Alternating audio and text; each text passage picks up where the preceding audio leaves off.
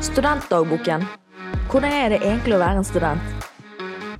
I Studentdagboken følger vi gjengen fra NTNU-student Jeg har jo da møtt en gutt da, som skulle gå politikk og menneskerettigheter.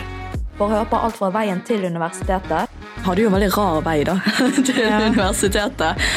Det med trygling hos læreren om en firer i standpunkt. Feiling og mestring. Droppet ut etter syv måneder uten å si fra til foreldrene mine også. Søren, altså, jeg kom inn i den forelesningen der, og jeg skjønte ikke hva han professoren sa. eksamensperioden i første klasse, så var jeg sånn, hva er det egentlig jeg har gjort dette semesteret her? Og en god dose tips og triks vi skulle ønske noen fortalte oss før vi startet på universitetet. Litt creepy, men det funka. Men jeg tror det er viktig å tenke på at eh, studietiden er det du gjør den til selv. Studentdagboken, en podkast av NTNU Student.